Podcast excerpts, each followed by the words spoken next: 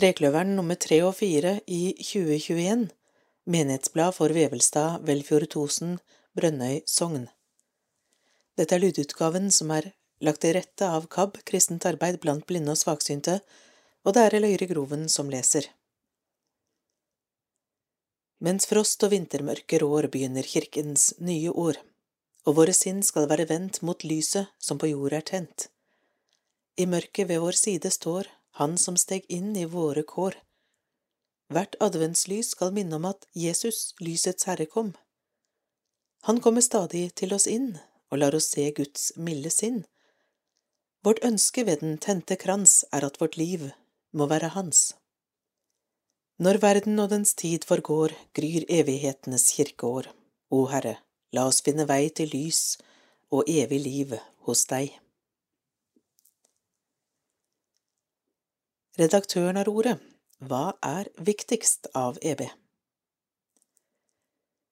Etter ett og et halvt år med koronarestriksjoner har en nå begynt å spørre hva har vi vunnet og hva har vi tapt?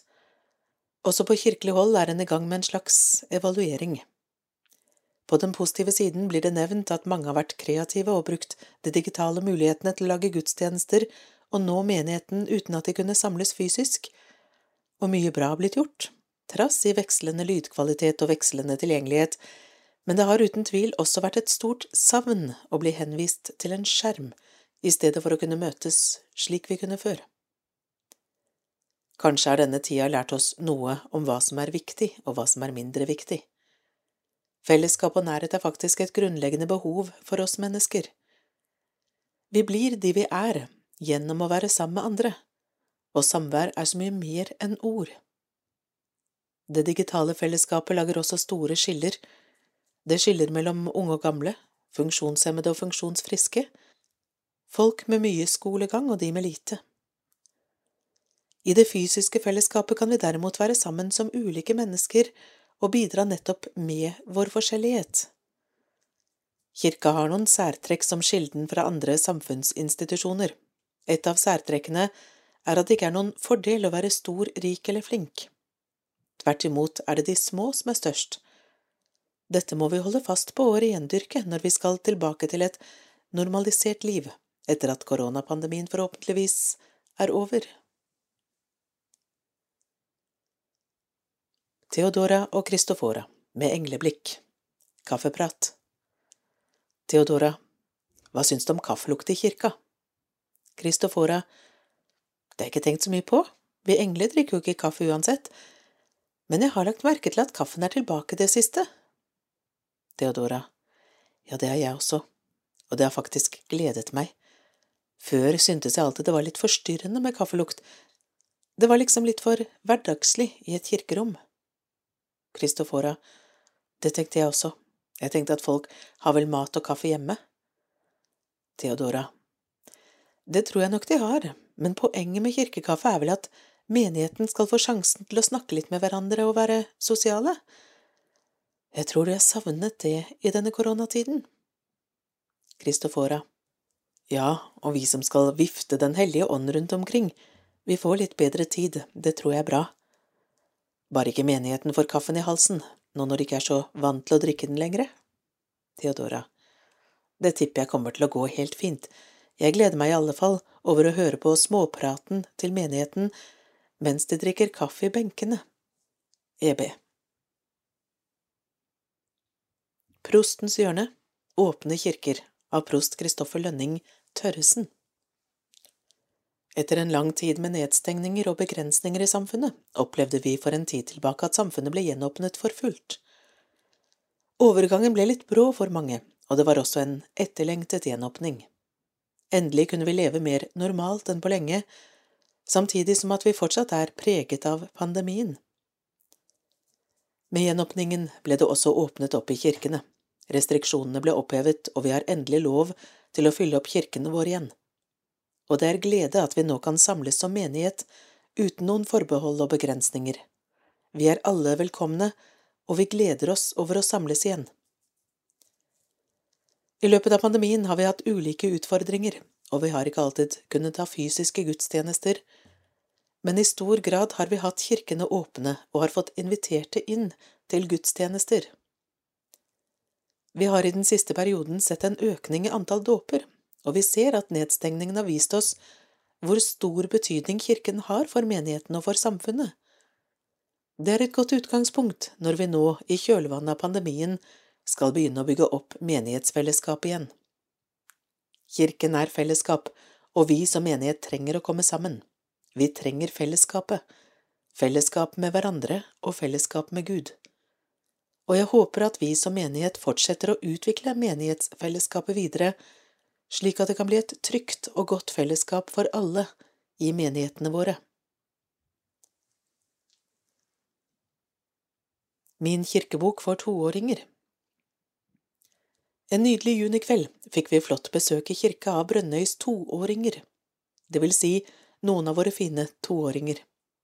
I stedet for å invitere til gudstjeneste ved utdeling av Min kirkebok sammen med en kjekk spisebrikke, inviterte vi av smittevernhensyn til ei kort kveldssamling.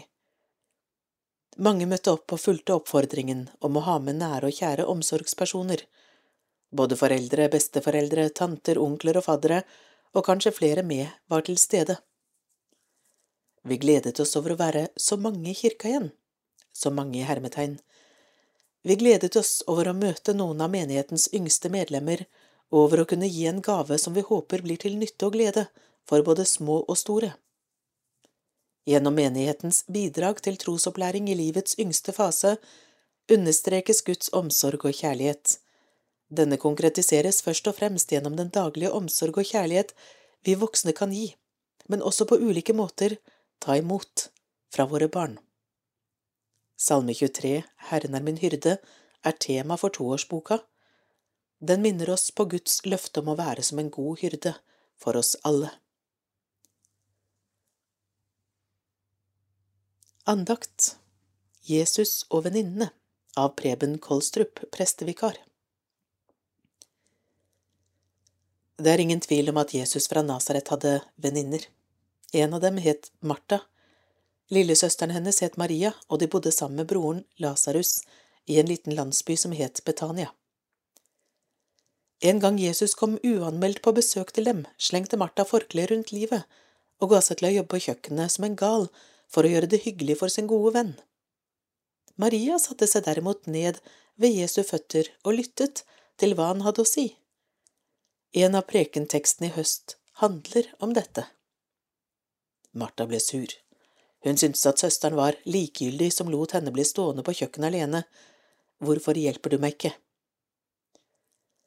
Men da sa Jesus ifra. Martha, Martha, du strever mye men Maria har valgt den gode del som ikke skal tas fra henne. Hva er det som skjer? Er det ikke på sin plass å varte opp sine gjester når de kommer på besøk? Selvfølgelig. Men Jesus er ikke hvilken som helst gjest. Når han kommer, kommer han med noe helt spesielt, og da er det mye viktigere å bli vartet opp av ham. Det Jesus hadde med seg, var nemlig evangeliet. Han var kommet for å frelse oss fra våre synder. Den som tar imot dette evangeliet om syndenes forlatelse, har fått en gode del som ingen kan ta fra deg. Det er ikke bare Martha som har bommet i denne saken. Da Jesus sendte et vaskefat og vann, protesterte Peter høylytt, Vasker du mine føtter, det er feil. Aldri skal du vaske føttene mine, sa han. Men da sa Jesus, hvis ikke jeg får vaske dine føtter, har vi ikke noe sammen, sa Jesus. Du kommer ikke til himmelen ved å tjene Jesus, men ved at Jesus får tjene deg. Da kommer gjerne tjenesten for Herren av seg selv, ikke for å bli frelst, men for at andre skal bli det. Gudstjeneste er en gave fra Gud og en takk fra oss, ikke motsatt.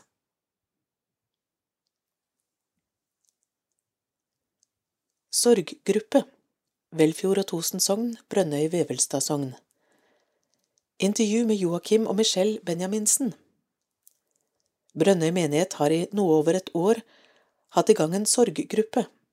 Trekløveren har snakket med to av deltakerne, Michelle og Joakim Benjaminsen, som deler noen av sine erfaringer med gruppa. De mistet sin tre måneder gamle datter for to og et halvt år siden. Hvorfor ønsket dere å være med i sorggruppe? Joakim, det var en forferdelig opplevelse å miste den vesle jenta vår. Det var som om et stykke av meg selv ble revet ut av kroppen, så jeg følte veldig sterkt at jeg trengte hjelp til å gå videre. Michelle? Og jeg tenkte at det var viktig at vi begge kunne være sammen, vi deler jo sorgen, og vi ønsker å gå videre sammen. Hvordan fikk dere høre om gruppa?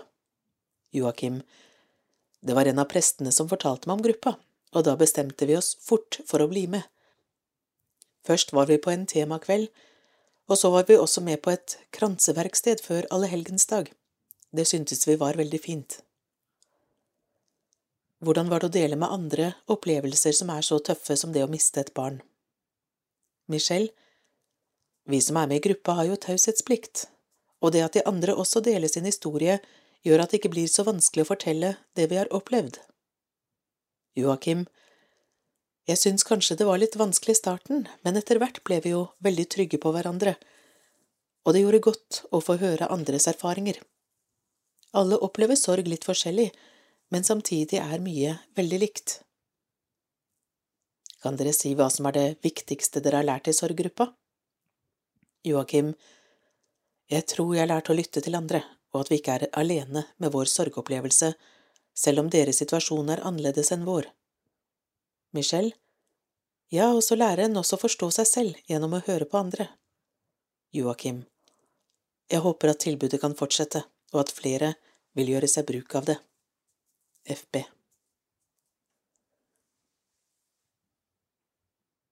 Et romjulsminne av Johan Arnt Groven det er en kald og klar romjulsmorgen på slutten av 1950-tallet. Den gamle forpakterboligen og de andre husene på prestegården ligner på et julekortmotiv der det ligger med snø på takene i måneskinnet. Den ni år gamle søstera mi og jeg sjøl på sju blir vekt ekstra tidlig denne dagen. Vi skal i julebesøk til tante og onkel på den veiløse gården ute ved fjorden. Det tar ikke lange tida før vi raver søvndrukne ned den bratte loftstrappa svinger oss rundt gelenderstolpen og klasker de bare beina ned på det iskalde ganggolvet. Kjøkkendøra blir slått igjen så fort som råd for å berge varmen på kjøkkenet. Mamma og pappa er ferdig i morgenfjøsen, og straks vi har vasket fjeset i det emaljerte vaskevannsfatet og fått på oss klærne, tar vi plass på krakkene våre ved kjøkkenbordet. Kjøkkenet, en hel liten verden. Det romslige gårdskjøkkenet er et allbruksrom som også tjener som dagligstue, bad, kontor og hvilerom. Ikke rart at det fortoner seg som en hel liten verden for en guttunge. Sentralt ved den ene veggen står den svære svartkomfyren som knitrende sørger for varme i det dårlig isolerte rommet. Den store aluminiumskasserollen på komfyren er husets varmtvannsbeholder. Når nivået i kasserollen synker, brukes den store vassausa til å etterfylle vann fra sinkbøtta på hjørnet av kjøkkenbenken. Forpakterboligen har ikke innlagt vann på denne tida. Frokosten er satt fram på den lyse, mønstrede voksduken. Vi ungene har våre egne asjetter og kopper med dyr, nisser og andre eventyrfigurer i litt blasse farger rundt kanten.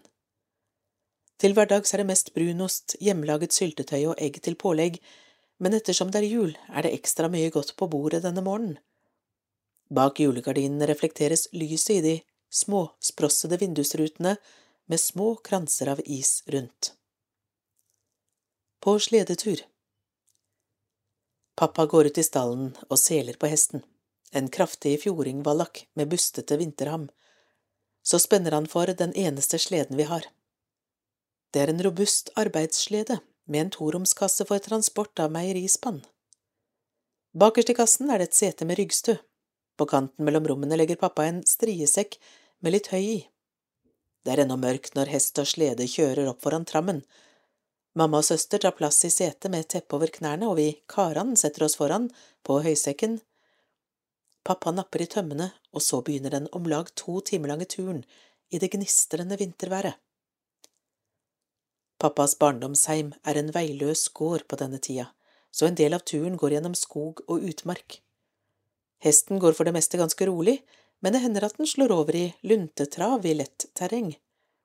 Da jubler barnehjertene over den store farten, mens snøklumper og hestehår hagler gjennom vinterlufta.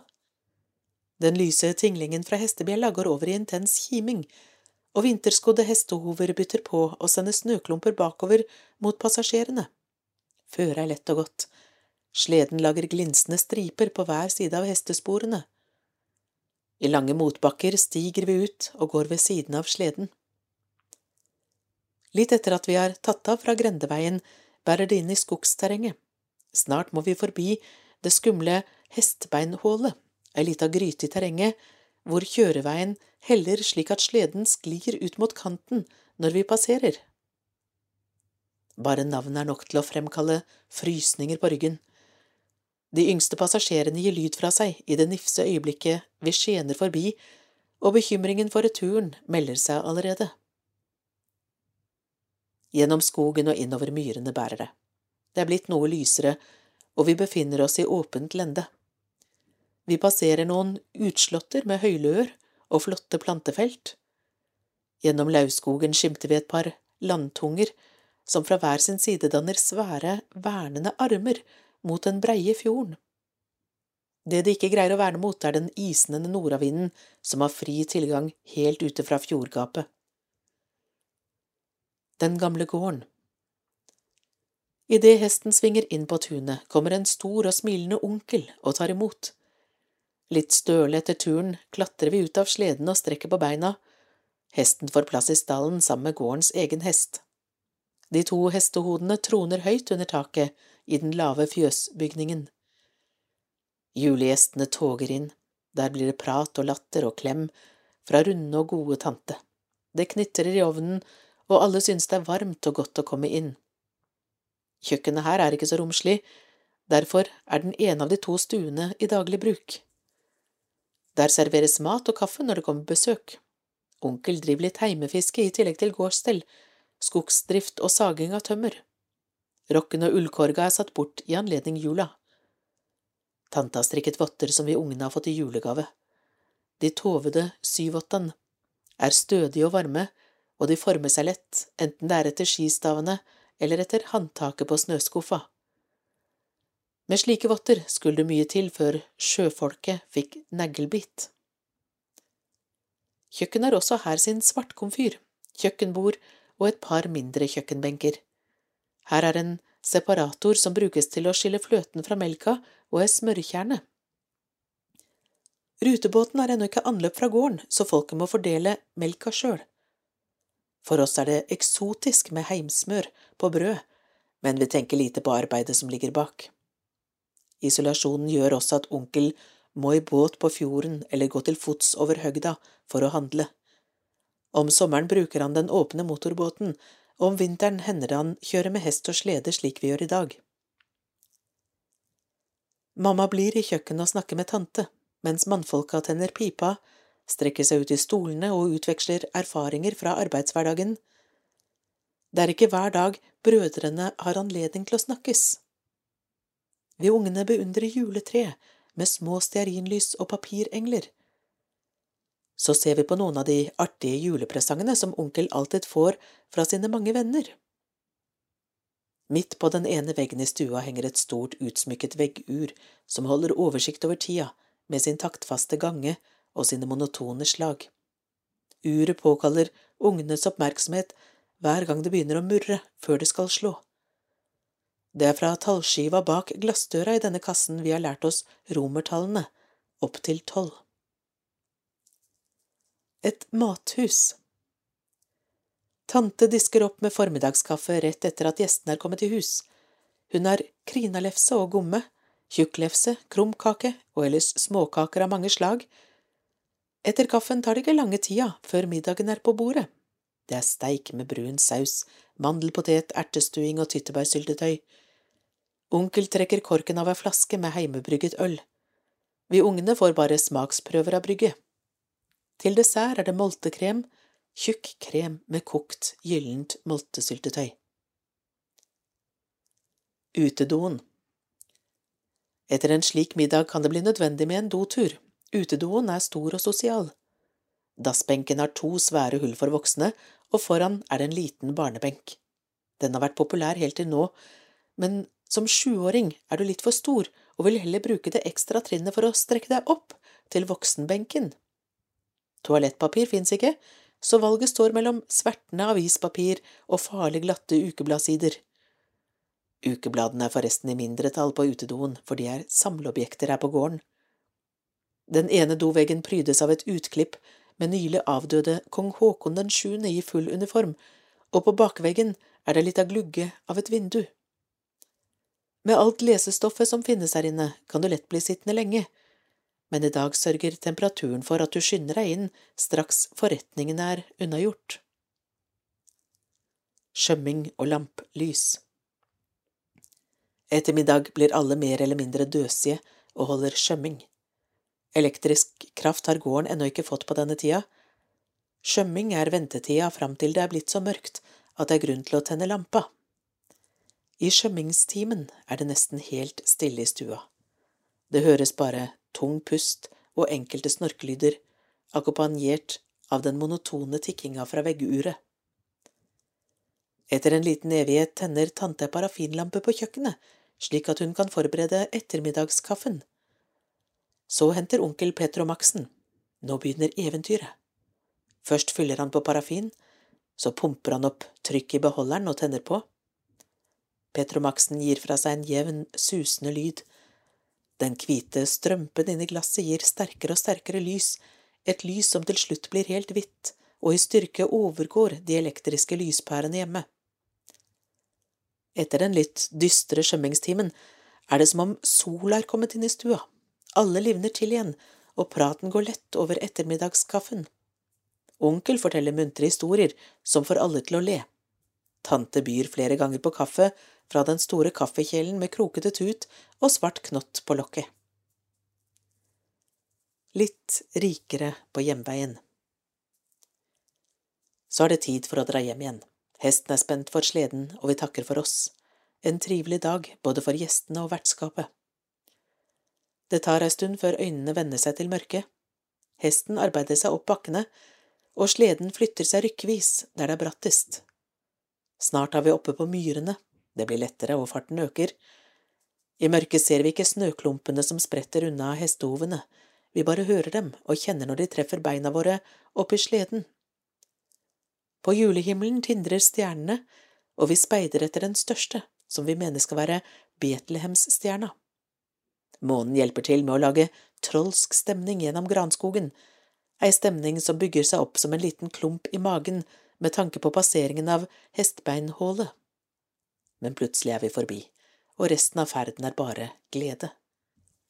Lite aner vi at de mange små opplevelsene fra denne dagen har gitt oss verdifulle inntrykk for resten av livet. Teksten er en redigert versjon fra Velfjord Historielags årbok Fra fjord til fjell, utgitt i 2007.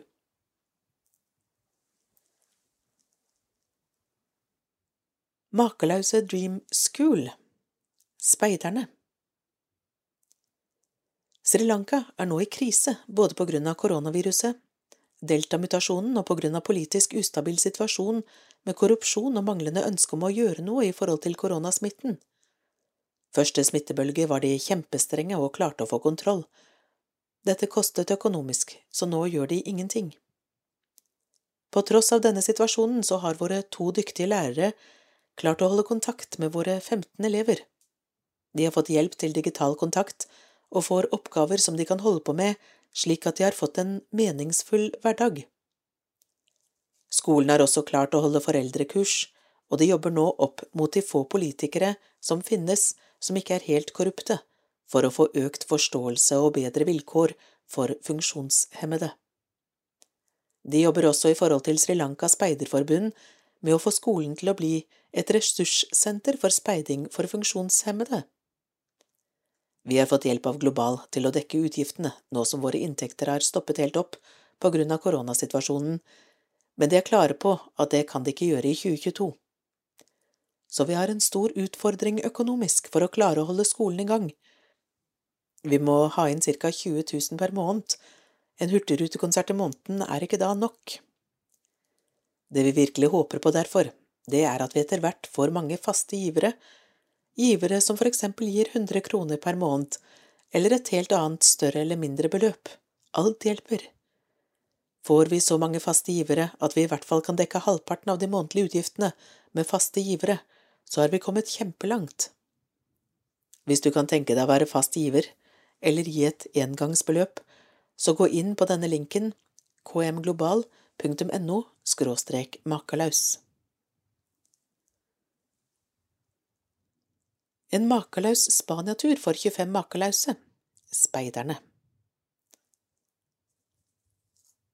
I februar 2020 hadde de makalause bestilt Spaniatur til Malaga, hvor de har vært to ganger tidligere. Vi var akkurat begynt å glede oss da koronaen kom og ødela planene. Heldigvis ble flyet vårt kansellert, billettpengene ble oppbevart på reisebyrået, og når verden nå begynte å våkne til live, så begynte vi å planlegge igjen. Det skulle være en koronatrygg tur. Bare fullvaksinerte skulle med. Vi dro med egen buss til Værnes, direktefly til Malaga, alle med plassbilletter bakerst i flyet. Først inn i flyet, sist ut. Egen hus til Casa Montana utenfor Malaga, Cab sitt flotte hus, tidligere pleiehjem med flott hage og basseng i hagen, hvor vi bor og ordner oss selv. Vi fikk en flott uke med fantastisk vær, så å si alle måltider utendørs, masse bading i bassenget, tur til Gibraltar, medvirkning på gudstjeneste i den svenske kirka, konsert i både den norske og den svenske kirka, tur til tre kunstige sjøer, El Coro, og mye mere. Mathias Prest var med oss og hadde planlagt flotte samlinger om disippelen Peter, som vi gjennomførte utendørs, med sang og musikk. Liv Anne Organist var med oss og spilte både hjemme i huset og på konsertene våre. Dagene fløy av gårde. Så plutselig var det hjemreise som foregikk akkurat motsatt av reisen til Malaga, bortsett fra at vi stoppet på speidergården i Velfjorden, hvor vi spiste frokost, og hvor vi ble koronatestet alle sammen, for å være helt sikre på at vi ikke tok med oss noe smitte til Brønnøysund. Takk alle sammen for en flott tur. Hurtigrutekonsert Speiderne De makeløse har, som de fleste vet, fått til en skole for funksjonshemmede i Sri Lanka, Makeløse Dream School. En viktig inntektskilde før koronaviruset kom, var konserter som vi holdt for hurtigrutepassasjerer i Brønnøy kirke. I over ett og et halvt år har dette ikke vært mulig, men nå, den 7. september, fikk vi endelig mulighet til å holde konsert igjen. Polarlys var inne, alle vi makalause var helt tente, sammen med vår eminente musikere Geir Allan Retan og Livanne Grubmo. Kirka ble nesten så full som mulig disse tider. Stemningen var på topp med et kjempepublikum som klappet og var med på alle måter. Vi ble helt rørt da vi litt senere på kvelden fikk denne meldingen fra båten Tusen takk for en flott konsertopplevelse i dag. Flere av gjestene våre forteller at de ble rørt til tårer av den flotte konserten. Vi fikk inn over 6000 kroner i kollekt, så det var helt fantastisk, og gir oss håp om at vi kan klare, smått om senn, å få økonomien til skolen på fote etter hvert. Speiderstart høsten 2021 Brønnøy Sogn så er høsten kommet, og et nytt speiderår starter. For de eldste blir det et år hvor vi gleder oss til landsleir til sommeren, for dem fra fjerde klasse og nedover, et nytt år med turer, merker, besøk i badeland i Mosjøen, Hemavann etter jul, pluss, pluss, pluss, pluss, pluss. Vi er mange medlemmer, men det er alltid plass til flere i Brønnøyspeiderne, så ta kontakt hvis du har lyst til å prøve deg som speider. Vi har tilbud fra dem som starter i første klasse og opp til pensjonistalder.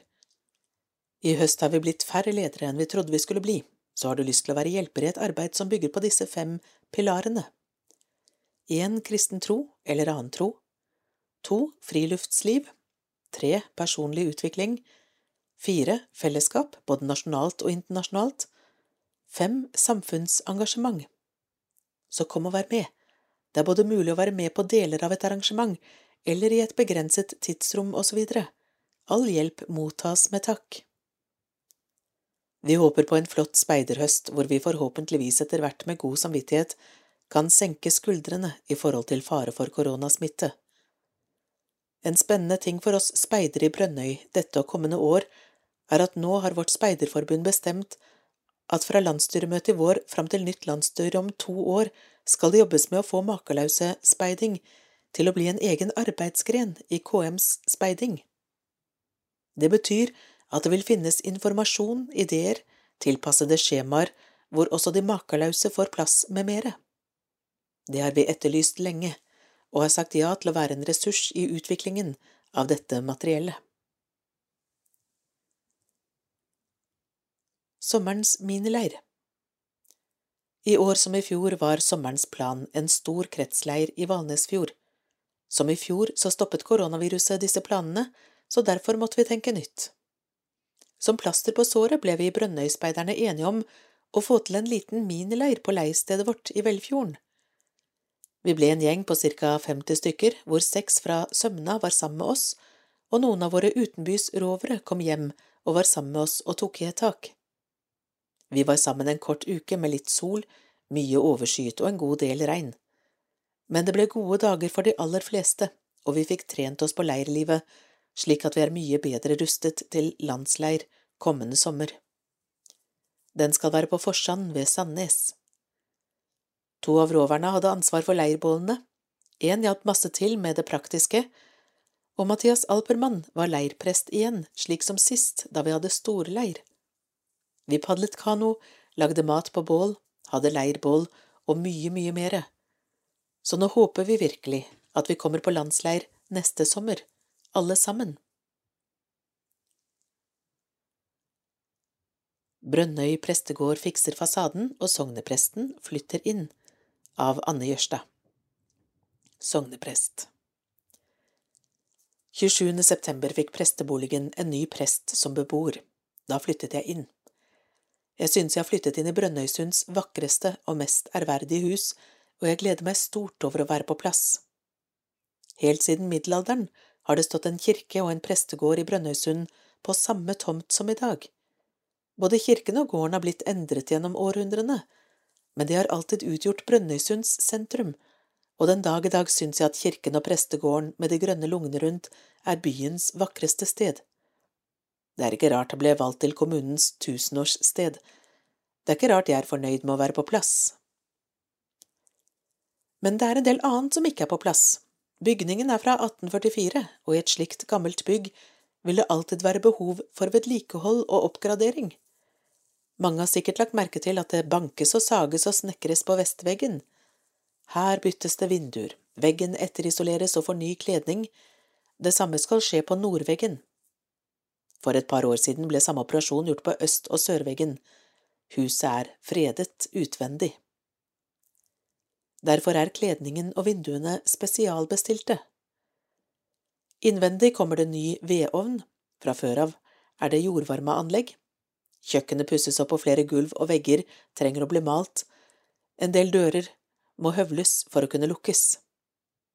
Når alt dette er gjort, tror jeg prestegården blir riktig flott, jeg ønsker å innimellom invitere menigheten inn i dette store og vakre huset, der tre stuer på rad er forbundet med doble dører. Huset er så fint at mange bør få glede av det, slik det skjedde på kirkekaffen 13. juni i år. Nå eies Brønnøy prestegård av Opplysningsvesenets fond, OVF, men i oktober i år vedtok regjeringen at huset sammen med 144 andre prestegårder skal overføres til Den norske kirke.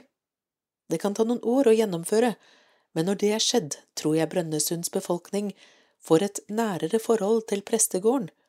Den blir et hus mange er innom ved små og store anledninger. Det blir et hus mange kan glede seg over. Det var artikkel om Opplysningsvesenets fond, OVF, i forrige menighetsblad.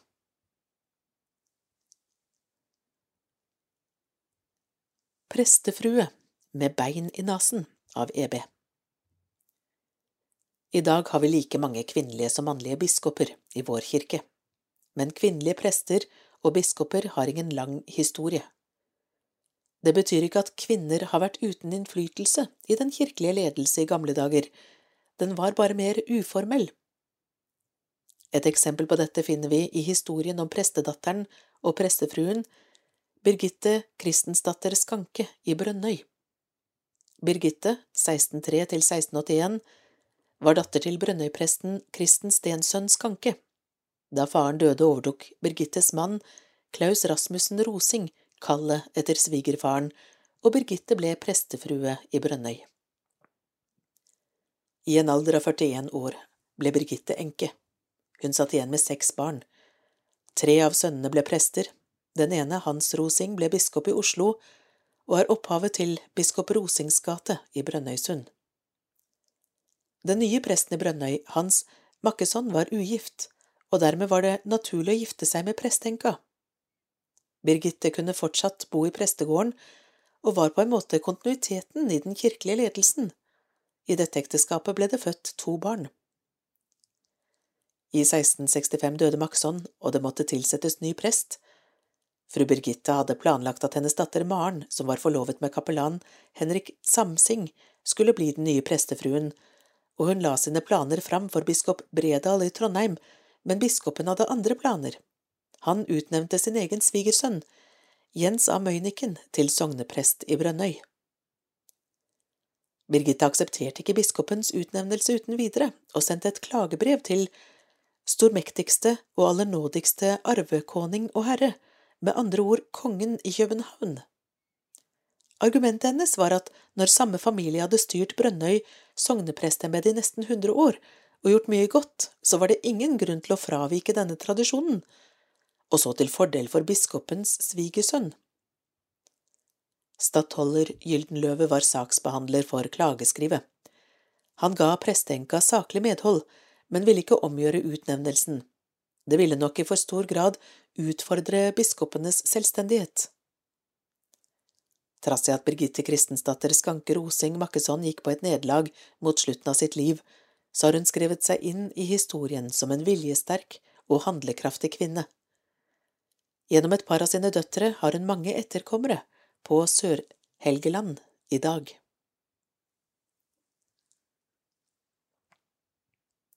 Prost presenterer seg for menigheten, Vevelstad sogn. Søndag 24. oktober ble prosten for Sør-Helgeland prosti presentert i Vevelstad kirke for Vevelstad menighet. På grunn av covid-19 har besøket vært utsatt siden april, og det var ekstra hyggelig å få besøk av prosten, samtidig som konfirmantene ble presentert. Etter gudstjenesten ble det kirkekaffe i kirkestua. Dette var den første kirkekaffen som ble arrangert siden koronaviruset kom til landet. Mange hadde tatt turen til kirken, og mange deltok på kirkekaffen for å hilse på den nye prosten. Under kirkekaffen fikk prost Kristoffer Lønning Tørrisen overrakt en velkomsthilsing fra leder av menighetsrådet, Sigrid Vevelstad.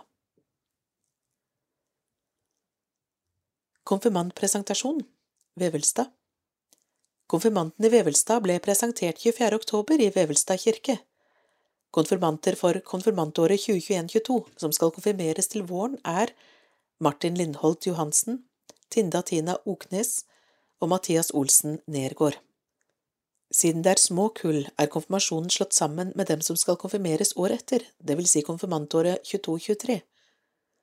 Det blir to årskull som blir konfirmert til våren i Vevelstad kirke. Julen ringes inn, Vevelstad. Siden 1796 har klokkene i Vevelstad kirke ringt jula inn. Fra vigslingen av kirken i 1796 til 1871 hadde kirken to klokker, en stor og en liten. Den lille trekirken som ble reist på Vevelstadstranda, viste seg etter 70 år å være for liten for menigheten. I 1871 ble den påbygd og fikk det utseendet den har i dag. Skal en i ettertid være streng i sin bedømmelse, kan en like godt si at kirken ble rasert for mye verdifullt utstyr. For å dekke omkostningen ved arbeidet med utvidelse av kirken ble materialer og inventar solgt til høystbydende. Slik var det også med kirkeklokkene fra 1796. Den største av klokkene ble sendt bort for å støpes til en større klokke. Den lille ble solgt til Hans Bogen Forvik. Da Bogen flyttet, tok han klokken med. På tross av anstrengelse for å få denne severdighet tilbake, har det ikke lykkes. Klokken henger fortsatt som suppe matklokke i et eget tårn på et uthus i Sund i Lofoten. Den største av kirkeklokkene ble kanskje omstøpt, men den kom tilbake. Da var den fabrikkert ved Nidelven støperi, Trondheim, i 1862. I snart 160 år har den kalt til høytid og kirkefest i Vevelstad. Fra vugge til grav har den fulgt generasjonenes gang. Den kaller også i år til høytid og julefest. På stille julekvelder før i tiden gikk folk ut for å lytte til klokken. Det var en av kveldens høydepunkt for dem som bodde såpass nært at klokkekimingen kunne høres. Nå bruker mange å besøke kirkegården på julaften når klokken ringer jula inn.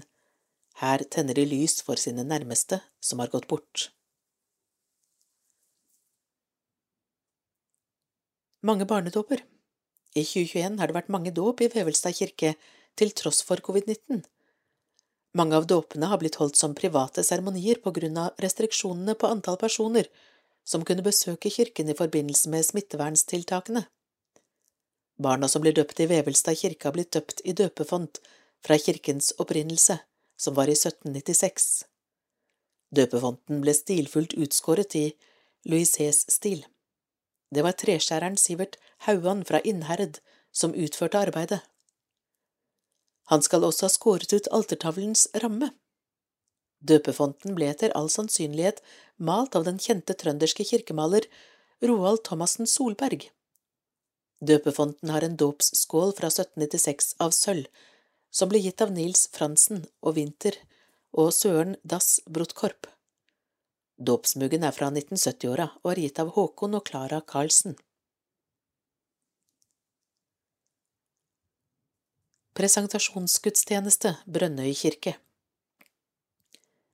På selveste FN-dagen presenterte vi kommende års konfirmanter i Brønnøy kirke. Vi viste frem litt av det de har jobbet med, blant annet bilder fra Peace Painting. Vi hadde også tatt inn et tre hvor de hadde hengt opp bønner som de hadde skrevet selv. Som musikalsk innslag stilte Doidoi opp, og med noen flotte musikkstykker.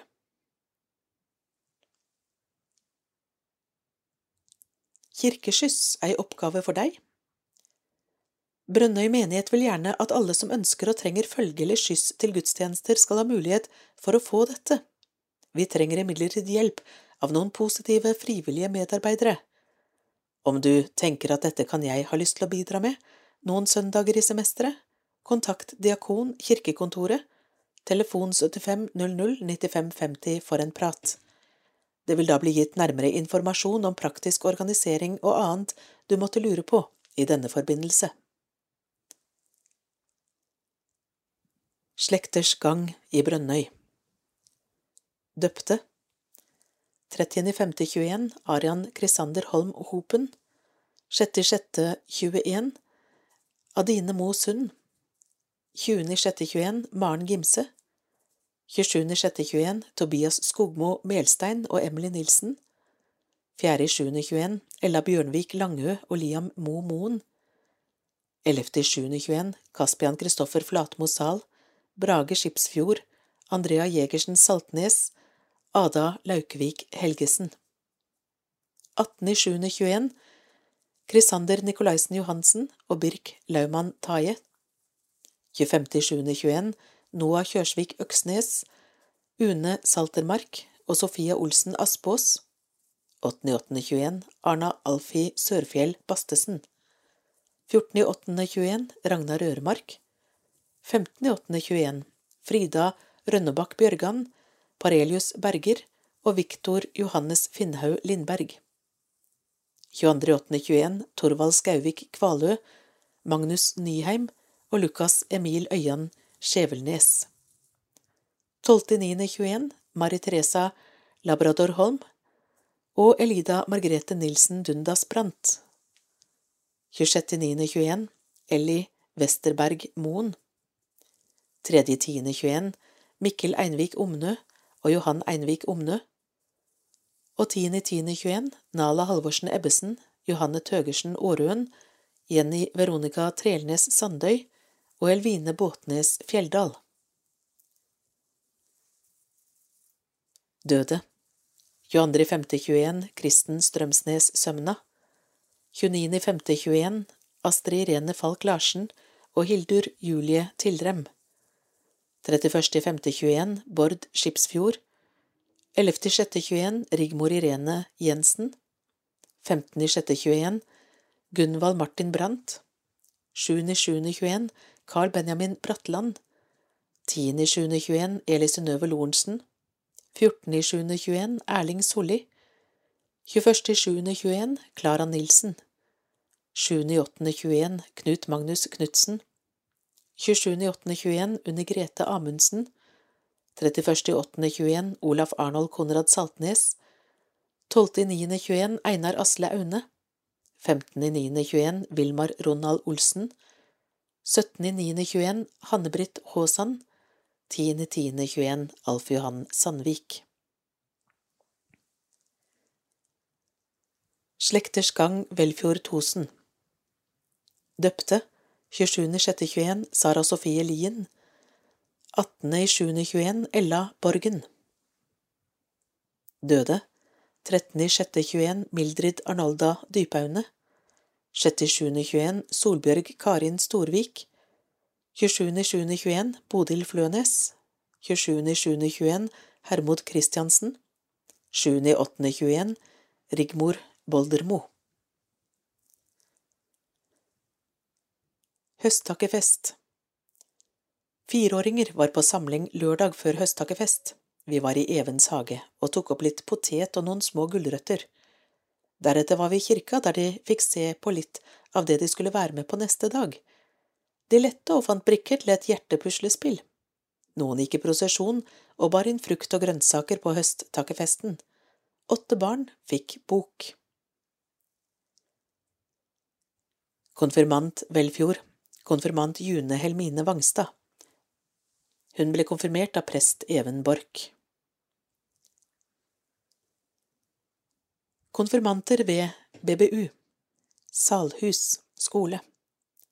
Sunniva Sund, Andrea Christoffersen, Elias Våg, Christian Stuland Olsen, Mathias André Sund, Magnus Gregersen, Joakim Gangstø Busch, Leander Marelius Aasvik, Markus Stockflett Saur, Kristoffer Hong Wang Christiansen, Sebastian Olai Hagen Jensen, Ronja Emilie Larsen, Rebekka Espeland Vedal, Arvid Måsøy, Maren Gimse, Mia Teresa Makasarte Jensen, Tamara Storøy, Emilie Alexandra Sandby, Thea Hennie Okan, Lea Warholm Samuelsen, Bertine Julie Ekse, Lise Valand, Sanna Bendiksen, Rikke Christoffersen, Julie Vonheim, Ronja Martine Flatmo, Otelie Horn Fagerbakk, Malene Storheil Brekkan, Mathilde Risholm Tronsen, Celine Christiane Hansen Solberg,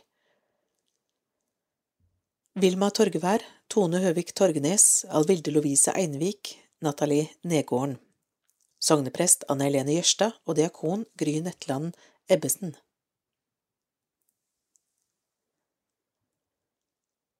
For å opprettholde dagens trekløver trenger vi din hjelp.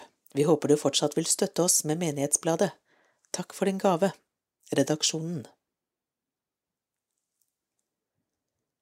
Lyset skinner over jord, advent og jul i Brønnøy kirke.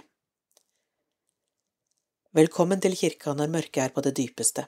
Velkommen til å feire at Jesus kom til verden, han som kalte seg verdens lys og vil skinne for oss alle. Advent, søndag 28. november klokken 11, første søndag i advent, høymesse. Tirsdag 30. november klokken 18.30, konsert med Hekla Stålstrenga. Lørdag 4. desember klokken 19, konsert med Chris Medina. Søndag 5. desember klokken 18, andre søndag i advent, lysmesse, speiderne deltar. Søndag 12. desember klokken 11, tredje søndag i advent, høymesse. Søndag 12. desember klokken 18, konsert ved Brønnøy Kammerkor. Onsdag 15. desember klokken 19.30, konsert med kor i Øyan. Søndag 19. desember klokken 11, fjerde søndag i advent, vi synger julen inn. Jul, julaften fredag 24. desember, prøv i år med nye klokkeslett. Julaften klokken 12 julegudstjeneste, klokken 14 julegudstjeneste. Første juledag lørdag 25. desember klokken 11, høytidsgudstjeneste. Lys våken 2021 Adventsnatt i kirken Vi ønsker å arrangere Lys våken for elleveåringer både i Brønnøy og Velfjord. Dette skjer 20. november fra klokken 18 til klokken 23.30 i Brønnøy kirke. Og 4. desember fra klokken 18 til 23.30 i Velfjord kirke. Invitasjon skal være sendt ut til alle elleveåringer. Dette er en fin anledning for denne aldersgruppen til å bli kjent med kirken, oss og hverandre. Velkommen!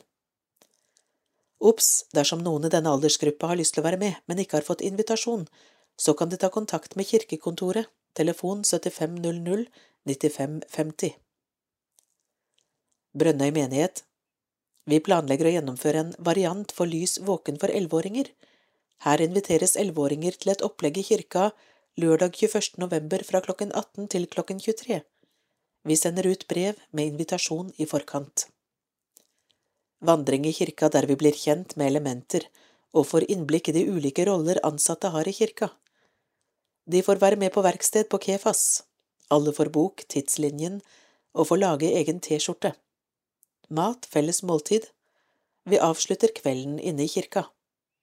Søndag. Her er vi med i gudstjenesten på søndag klokken elleve. Her bidrar vi som gruppe. Hele familien inviteres til å være til stede. Velfjord Tosen menighet Vi planlegger å gjennomføre Lys våken for elleveåringer i Velfjord kirke lørdag 4. desember fra klokken 18 til klokka 23. Vi sender ut brev med invitasjon i forkant. Vandring i kirka der vi gjør oss kjent med elementer og får innblikk i de ulike roller ansatte har i kirka. Vi skal ha verksted i sakristiet, der vi lager diverse ting, samt lager felles måltid. Alle får bok, Tidslinjen, og får lage egen T-skjorte avslutning inne i kirka. Søndag Her inviteres alle til å være med på gudstjenesten søndag 5. desember klokken 16, lysmesse. Her håper vi at elleveåringene vil være med som deltakere, og hele familien inviteres til å være til stede.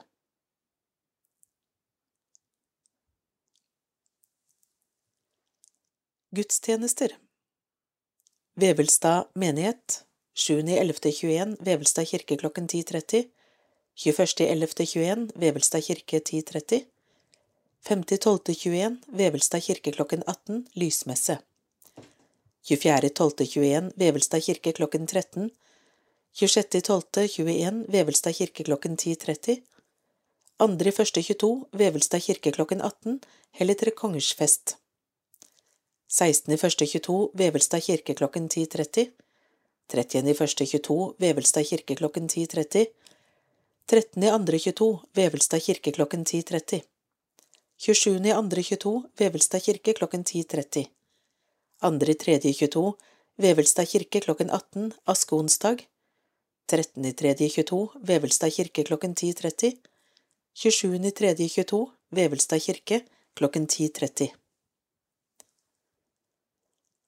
Velfjord Tosen menighet. 7.11.21 Velfjord kirke klokken 16 21.11.21 Velfjord kirke klokken 16 50.12.21 Velfjord kirke klokken 16 24.12.21 Velfjord kirke klokken 16 16.1.22 Velfjord kirke klokken 16 30.1.22 Velfjord kirke klokken 16 13.2.22 Velfjord kirke klokken 16 Konfirmanter fra Salhus deltar. 20.2.22 Velfjord kirke klokken 16 Konfirmanter fra BBU deltar. 27.2.22 Velfjord kirke klokken 16 13.3.22 Velfjord kirke klokken 16 27.3.22 Velfjord kirke klokken 16 Brønnøy menighet. 7.11.21 Brønnøy kirke klokken 11 14.11.21 Brønnøy kirke klokken 11 21.11.21 Brønnøy kirke klokken 11 28.11.21 Brønnøy kirke klokken 11 5.12.21 Brønnøy kirke klokken 18 Lysmesse. 12.12.21 Brønnøy kirke klokken 11 19.12.21 Brønnøy kirke klokken 18 Sanggudstjeneste. 24.12.21 Brønnøy kirke klokken 12 24.12.21 Brønnøy kirke klokken 14 25.12.21 Brønnøy kirke klokken 11 2.1.22 Brønnøy kirke klokken 11. 9.1.22 Brønnøy kirke klokken 11. 16.1.22 Ingen gudstjeneste. 23.1.22 Brønnøy kirke klokken 11. 30.1.22 Brønnøy kirke klokken 11. 6.2.22 Brønnøy kirke klokken 11. 13.2.22 Ingen gudstjeneste. 20.2.22 Ingen gudstjeneste. 27.2.22 Brønnøy kirke klokken 11. 2.3.22 Brønnøy kirke klokken 18, askeonsdag. 6.3.22 Brønnøy kirke klokken 11. 13.3.22 Brønnøy kirke klokken 11. 20.3.22 Brønnøy kirke klokken 11. 27.3.22 Brønnøy kirke klokken 11. Det kan bli endringer underveis, følg med i lokalavisa eller på internett bronnoi.kirken.no og velfjord.no kirken. Velkommen til kirke. Trekløveren nummer tre og fire i 2021 slutt.